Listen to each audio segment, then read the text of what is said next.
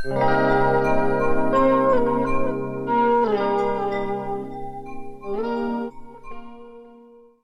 til vår podkast 'Hav, handel og helse' fra NTNU i Ålesund. Mitt navn er Annik Magerholm Fet, og jeg er viserektor ved NTNU i Ålesund. I dag skal vi få vite mer om eh, hvordan sjømat kan påvirke hjernen vår. Og med meg i studio i dag så har jeg Rachel Durand. Hun jobber i Blue Legasea. Og eh, siden Rachel er fransk, så fortsetter jeg da på engelsk. Welcome, Rachel. It's very nice to have you here in the studio. Please tell me about this exciting field you're going to present today. Yeah, thank you for the invitation. It's really a pleasure to to be here. Um, yeah, today I just want to speak about the webinar that we'll uh, um, present. Uh, it's about how uh, seafood can be used for the to improve and to support the the brain health. And so we have like different speakers that they will present their different studies about this uh, field.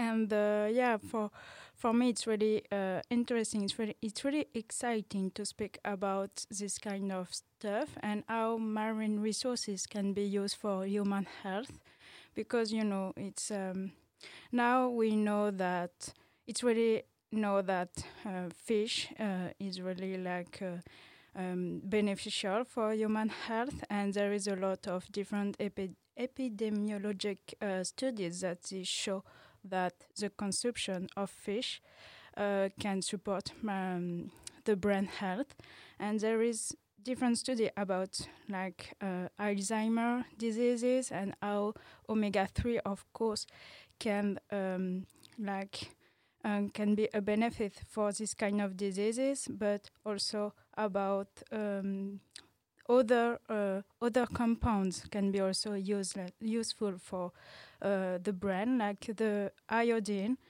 and um, so yeah, different speaker will speak about different compounds. So of course we have, you know, omega three. It's now, it's really know that omega three can be really uh, good for your health. But we also speak about how seaweed can be uh, used to improve the brain health. So seaweed is really a new uh, marine um, ingredient, and now, now there is more and more uh, studies about seaweeds and how we can use seaweed for human health. So really interesting subject. Uh, you come from Blue Legasea, and this is research that you do together with industry in our region. Yeah, yeah. The the purpose of the cluster, the Blue Legasea, it's really to um, boost the collaboration between industrial, of course, but also between um, research institution and how we can improve and support uh, this field to, you know, to to increase the competitiveness of the industry for marine ingredients. So for me, I work mostly on the project Marine for Health, and this project is how I can support industry to improve the commercialization of marine ingredients because commercialization of this kind of ingredients need a lot of documentation like you know claims and they also need a lot of regulation and um, clinical trials. So this is my job, and I work with really different industries. So most of our members work on omega three field, of course, but now they want to also like they are interested by different marine resource like protein, seaweed, and new species like uh, sea cucumber. There so, are many species, I yeah. understand, and different uh, fishes. Mm -hmm. Can you mm-hmm. use all type of uh, of fish fish for this? Y yeah, of course we can use all the fish and all the raw material from the fish. Um, in Norway, it's true that the most common use uh, fish is of course salmon, but uh, for Blue Legasea we work more with wild fish, so it's more with uh, pelagic fish like herring or mackerel, and we work also with um, uh, the cod, of course. How, how will this impact the brain? I'm interested in. Uh, do you become more clever or are you more healthy? uh, actually, one of our speakers will speak about how the fatty fish consumption can improve the uh, IQ of children.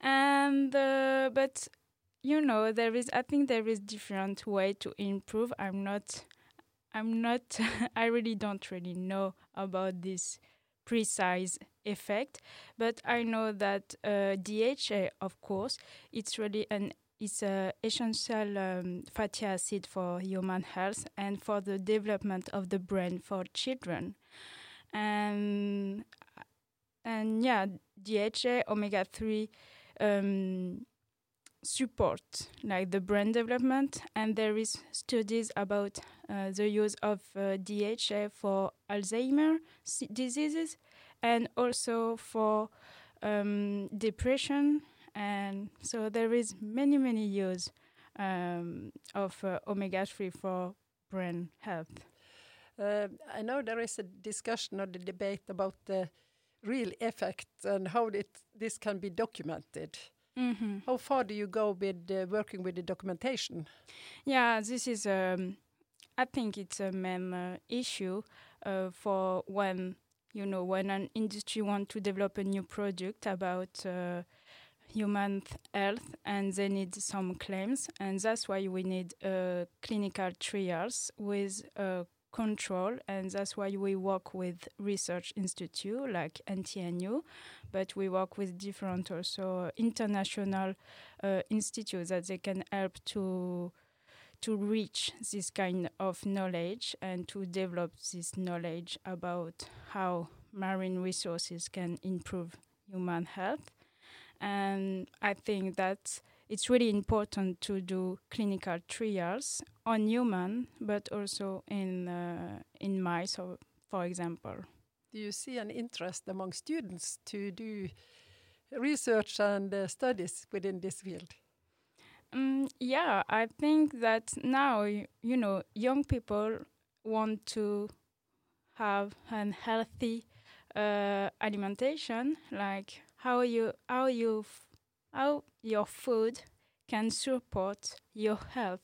So it's really interesting how you can uh, eat different um, food, different elements, and how they can improve your health. So a lot of people are interested about how the different food in your body can improve different effects. So there is, of course, brain health, but there is uh, a lot of study about, for example, diabetes, because diabetes now it's a really important diseases in the world, and so there is a lot of study about how food can improve, like can stop the development of diabetes, but also about the inflammation or the microbiota. Now there is a lot of study about how food impacts the microbiota and how the microbiota impact your health. So this is really studies and research for the future. Yeah, yeah. I think you know um, we have a lot to discover. I think we just know a little bit about different uh, compounds, but there is many, many, many different compounds in marine resources and in fish, of course. This is also what the Blue Legasea is uh, focusing on the, the entire value chain of yeah. the fish from bottom to mouth or from bunn to moon, as we say in Norway. Yeah, yeah. The the goal is really to use all the fish. So it can be like trimmings, it can be the skin of the fish, but we can also use the, for example, the the gut, or for the raw or the melt there is different study about this kind of part of the fish. I think we're just scratching part of the research for the future yeah. on this topic now. Yeah. So thank you very much. I think this will be really interesting for others to learn about. Thank you. And uh, as we used to say in Norway, spis fisk så blir du frisk. thank you very much. Thank you very much.